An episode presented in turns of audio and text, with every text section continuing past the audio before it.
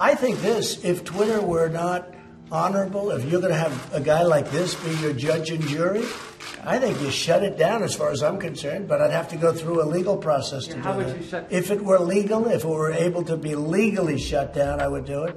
Twitter-kongen og ikke minst den amerikanske presidenten Donald Trump har nå lagt seg ut med sin egen favoritt-sosiale medieplattform Twitter. Han er i krig med den populære mikrobloggtjenesten. Jeg heter Nicolai Delbekk. Jeg heter Marie Simonsen. Hvem er den største trusselen mot demokratiet? Donald Trump eller Twitter? I think it's a disgrace. Jeg syns det blir litt spesielt. At Dagbladet driver med Donald Duck-journalistikk, det kjenner vi alle til. Men dette holder ikke. Du snakker jo bare visvask av arbeidslivet. Helt useriøst. You are fake news. Go ahead. Og der hørte vi faktisk vår alles eh, favorittpresident i USA, i hvert fall akkurat nå. Det er bare én president der borte. Eh, så nå En om gangen, i hvert fall. Eh, Donald Trump sier at vi er fake news, og det tar jeg som en æresbetegnelse når det kommer fra han Marie. Men han er nå i krig med, med Twitter. Han snakker om at Twitter stikker kjepper i hjulene for ytringsfriheten, for demokratiet. Han er forbanna. Hva er det dette handler om? Eh, Twitter har rett og slett faktasjekket han. Eller det vil si, det er ikke de personene som har faktasjekket han, men de har satt en merkelapp på to av tweetene hans. Han eh, tvitrer jo ustoppelig, men eh, så det er altså bare snakk om to tweets som omhandler det kommende presidentvalget til høsten. Og der uh, er påstanden fra Trump, som han har gjentatt flere ganger, at bruk av sånn Mail-in sende- ballots. Ja, mail ballots. Altså uh, sende uh, stemmene per post. Det mener han at det åpner for, for juks og bedrag. Han skriver at disse altså for Poenget er at uh, hvordan skal vi stemme under korona når vi ikke kan samle oss? Og da er jo forslaget at man skal sende inn stemmesedler. Og da skriver jo presidenten at uh, nei, men postkasser kommer til å bli ranet, og de kommer Ja. til å svindle, ikke sant, og, og sånn. Og så Ja. har jo da Twitter på disse tweetene eh, skrevet 'Get the facts about mail-in ballads', og da linka til en faktasjekk som bl.a. Washington Post, eh, CNN osv. har gjort. Så de har ikke på en måte eh, Twitter De har ikke faktasjekket Nei. selv. De viser til anerkjente faktasjekker, eh, og som selvfølgelig Trumps tilhengere vil påpeke at det er f.eks. Washington Post og New York Times.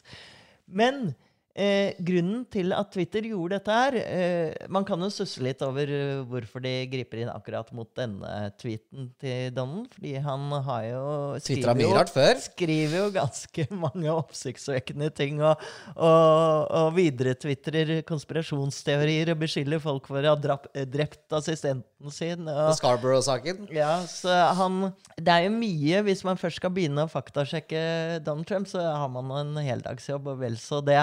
Men dette handler altså om valgordningen, og det er derfor Twitter eh, griper inn. Ja, fordi at eh, sosiale medier som Twitter og Facebook har vært i senter av valg tidligere. Vi kjenner jo brexit, f.eks. Uh, valget av eh, Donald Trump eh, har jo på en måte vært kontroversielle valg. Vi husker jo f.eks. Cambridge Analytica. Eh, du kan se den serien på Netflix hvis ikke man kjenner seg igjen i den.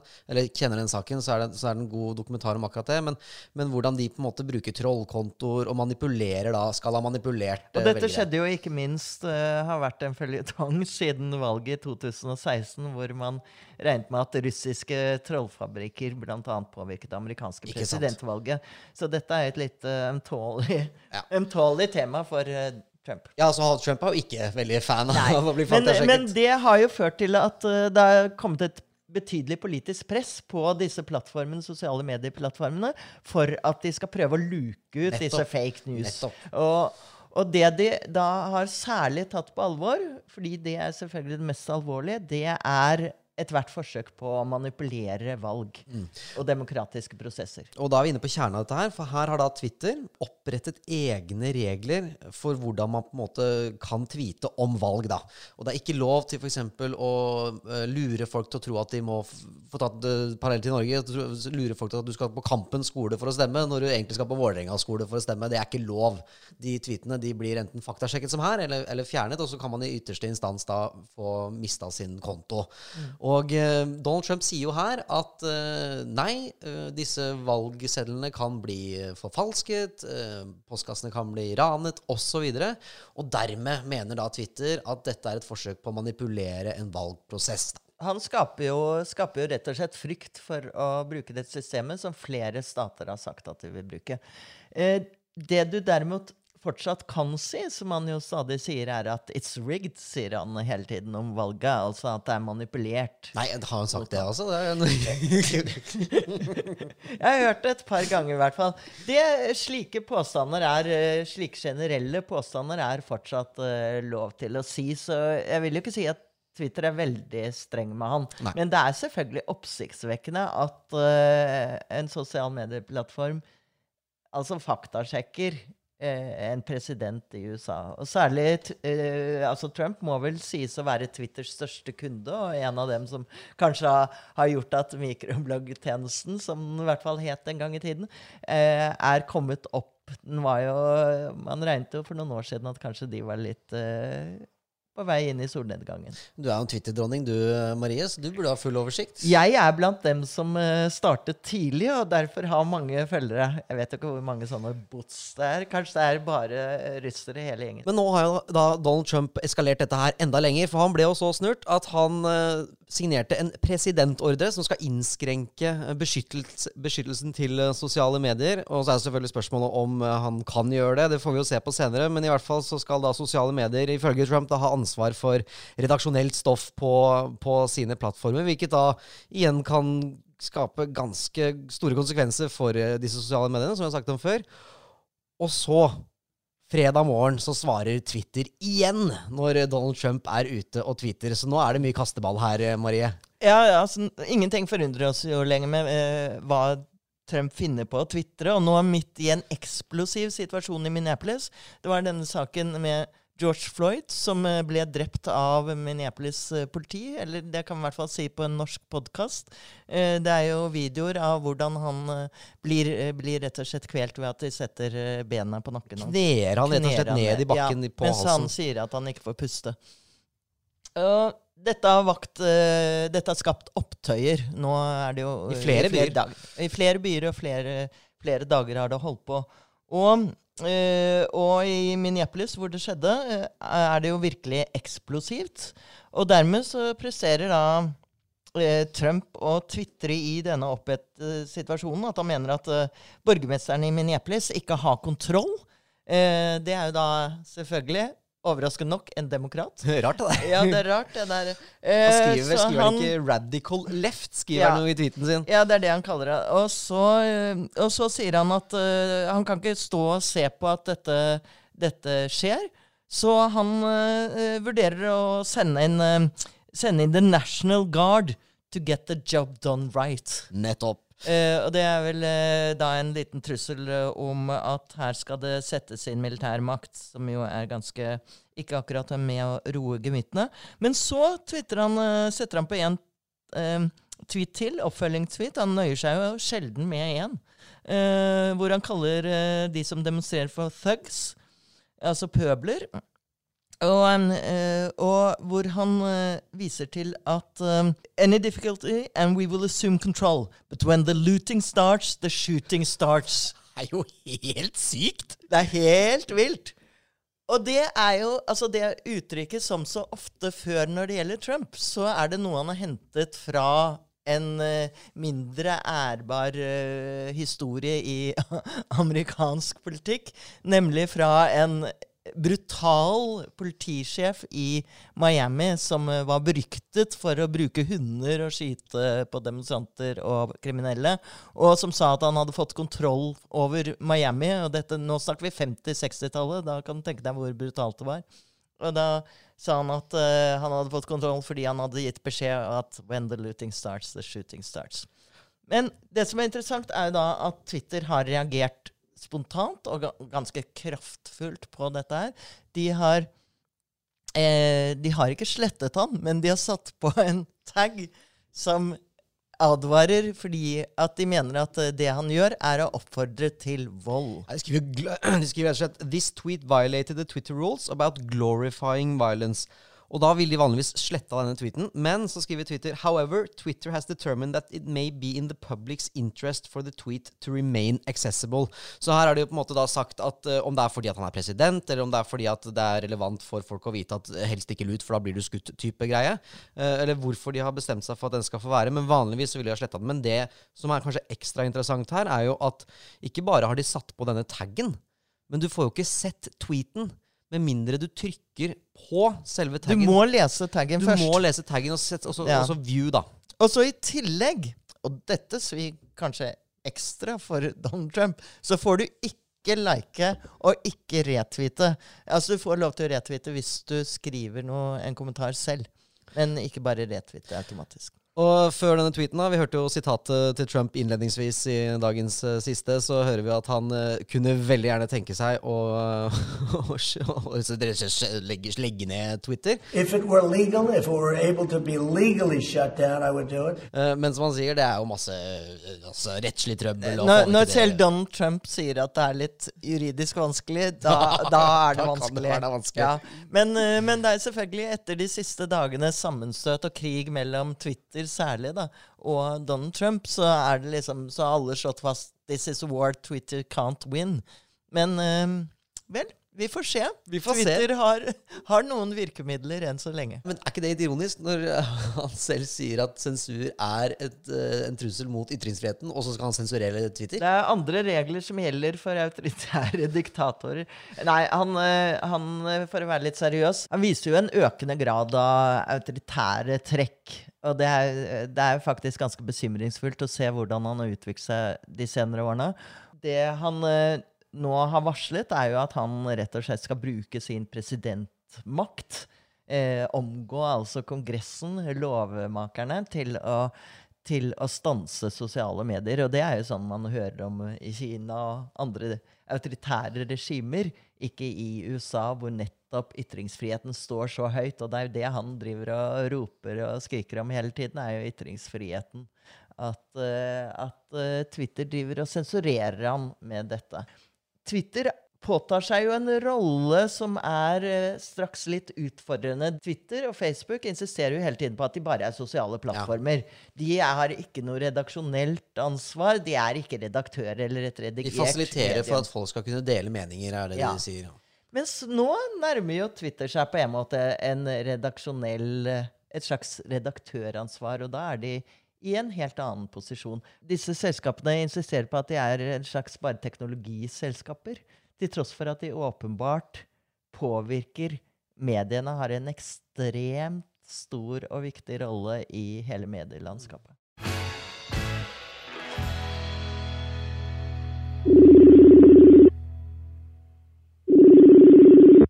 Hallo?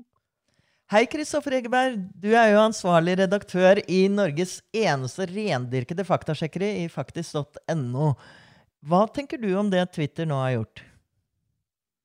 Jeg tenker jo det er kjempespennende. Eh, ble, jo, ble jo litt overrasket, rett og slett. For det har jo eh, både Twitter og, og på mange måter eh, Google og egentlig alle de store plattformene har jo vært, sittet veldig på gjerdet eh, etter hvert som dette med falske nyheter har blitt et stadig større problem. Eh, og Twitter har jo vært blant de som eh, kanskje har gjort minst i forhold til innholdet. Eh, Så når dette kom, og, og at de gjorde det med presidenten, det, ja, det var overraskende og spennende. Men det er altså Twitter har vist til andre faktasjekkere i USA. Eh, Hva slags standing har faktasjekkerne i USA? Vi kan si at Faktasjekk på nett uh, har, jo, har jo en mye mye lengre tradisjon i USA.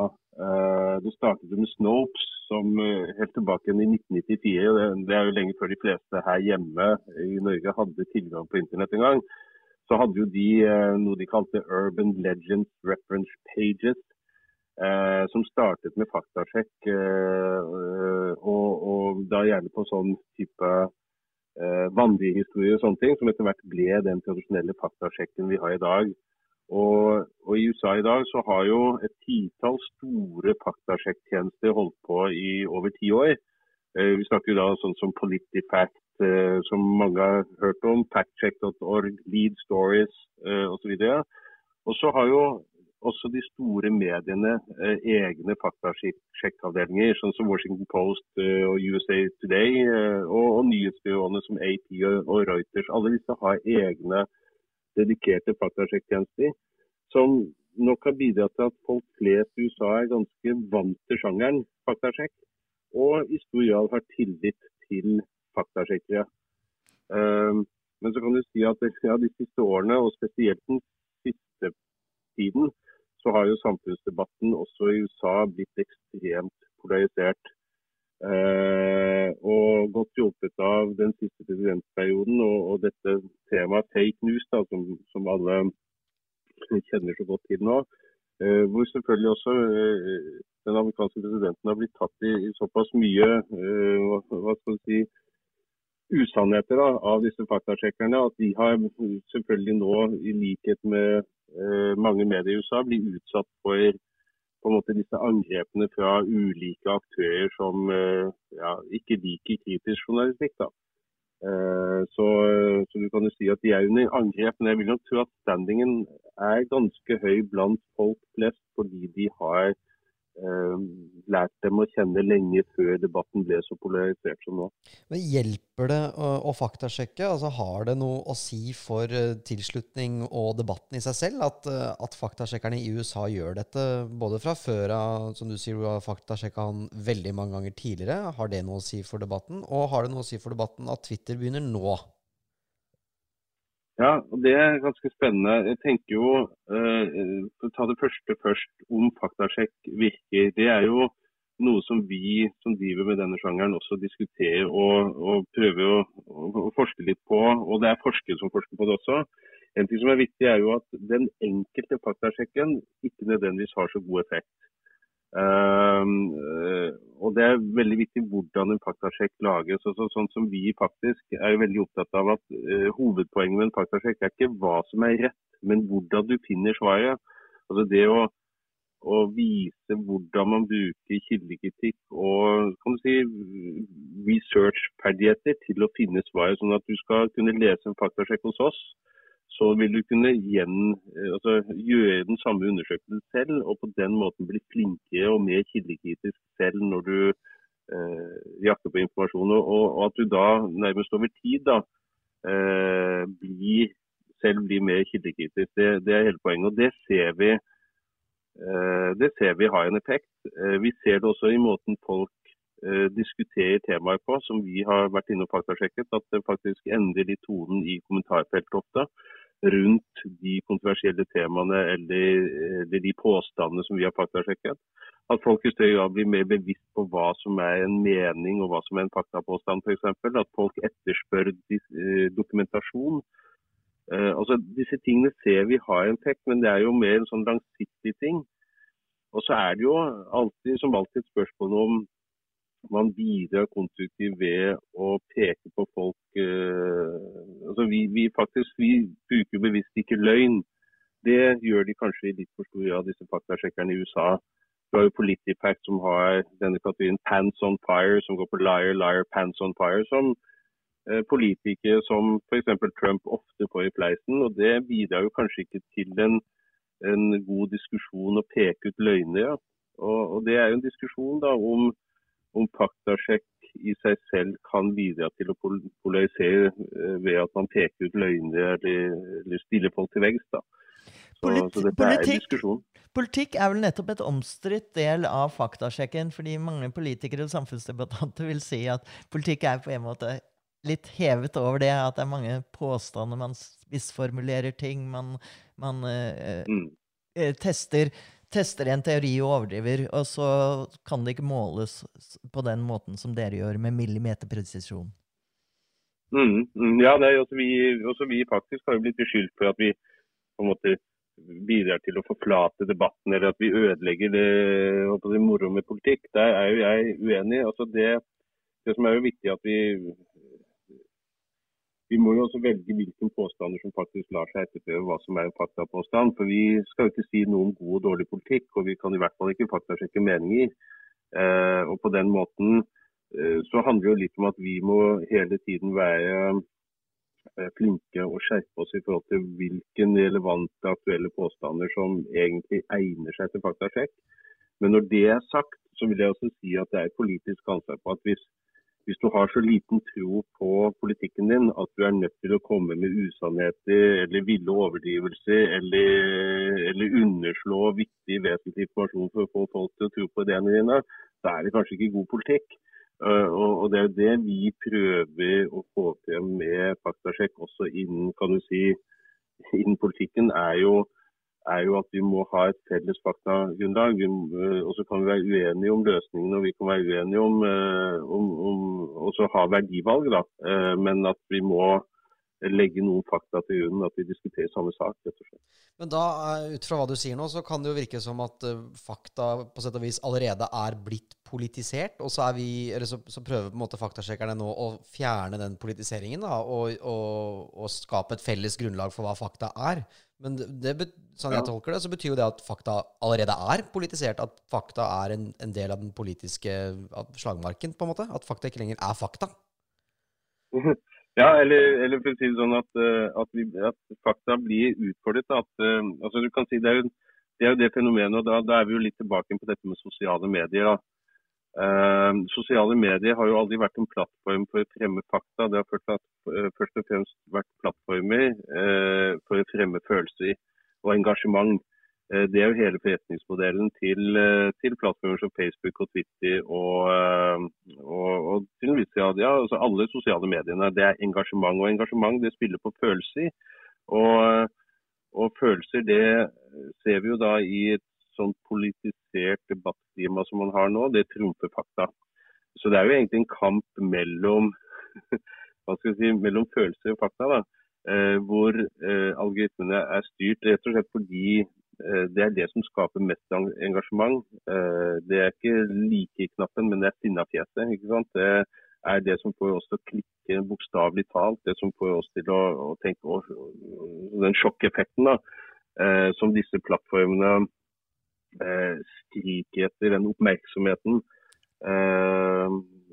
Det er, det er en grunn til at salget av leksikon har gått ned. Eh, og ja, vi, vi, har Wikipedia nå, så det er vel litt med det å gjøre kanskje, Kristoffer?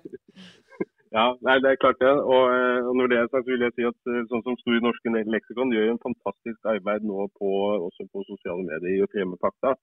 Så men du kan si at, og det er hele debatten eh, som har gått i forhold til om disse plattformene skal eh, på en måte legge en demper på nettopp dette engasjementet som kan smitte over i rett og slett fake news og, og løgn. Altså, det er jo derfor, altså Fake news eller falske nyheter spiller jo nettopp på på, på, den funksjonaliteten som algoritmene har, om å ha en sjokkeffekt, om å komme med noe som er så oppsiktsvekkende at du bare må klikke, at du bare må dele det videre, at du må bli engasjert.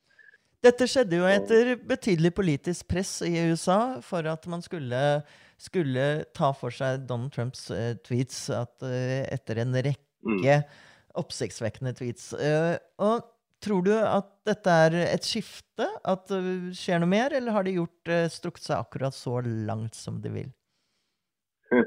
Det blir, det blir, spennende å se. Det tror jeg blir spennende å se de neste dagene og ukene, og i hvert fall frem til presidentvalgkampen. Facebook har jo jobbet med dette nå i flere år, med ulike Eh, de har jo denne, dette faktasjekkpartnerskapet som vi er en del av. De har jo nå nettopp uh, oppnevnt et sånt, hva sånn høyesterett med en del kjente personligheter verden over som skal, skal jobbe med ja, være en slags sånn rettsinstans for, for, ting som fjernes og sånne ting. Og og de, de, har gjort, kanskje vært de som har gjort mest i forhold til å i hvert fall prøve å se på løsninger for å, å bygge et forsvarsverk mot spredningen av desinformasjon og ikke minst hets. Uh, dette er første gang vi ser at Twitter gjør noe så dramatisk. Uh, det Twitter har gjort uh, før dette, er jo at de først og fremst har vært veldig opptatt av å slette sånne bots og, og falske kontoer. Eh, så får vi se, da.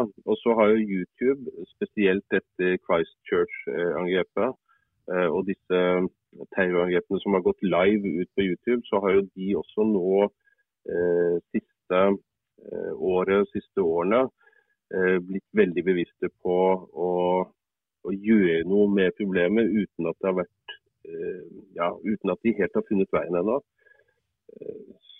Så til spørsmålet ditt, Marie, er jo det at vet du hva, jeg tror alle disse plattformene nå sitter, prøver å sitte så stille de kan i båten for å se hva som skjer i valget, presidentvalgkampen eh, og presidentvalget nå til høsten. Eh, nettopp fordi de er livredde for hva Trump kan finne på å gjøre. Eh, og at de vet at den politiske hverdagen blir avgjort nå før jul i USA i forhold til hva de faktisk vil få muligheten til å gjøre, og hva de ikke får muligheten til å gjøre ut ifra hvilken president som overtar. Så Maria, har vi egentlig fått svar på det vi lurte på innledningsvis? Eh, Hvem er den største trusselen mot demokratiet? Er det Trump, eller er det Twitter? Det kan jo høres ut på Kristoffer som at de er mer redd for ham enn omvendt. Trump har som vi har vært inne på, truet med at han skal se tilbake mot denne faktsjekkingen. Den vil han ikke ha noe av. Og hvis det skal være på den måten, så mener han at de da tar seg et redaktøransvar. Og da må de, da må de ta ansvar for alt de publiserer på plattformene sine. Og det tror jeg ikke Twitter og Facebook har noe lyst til. Og da kan vi kanskje ende opp med å se en mer sensurert versjon av Twitter og Facebook, hvis de må påta seg dette redaktøransvaret, da. Ja, Da blir det ikke bare brystvorter som forsvinner. Du har hørt en episode av Dagbladet-podkasten Siste. Vi er tilbake hver tirsdag og hver fredag hver uke. Ha en strålende helg.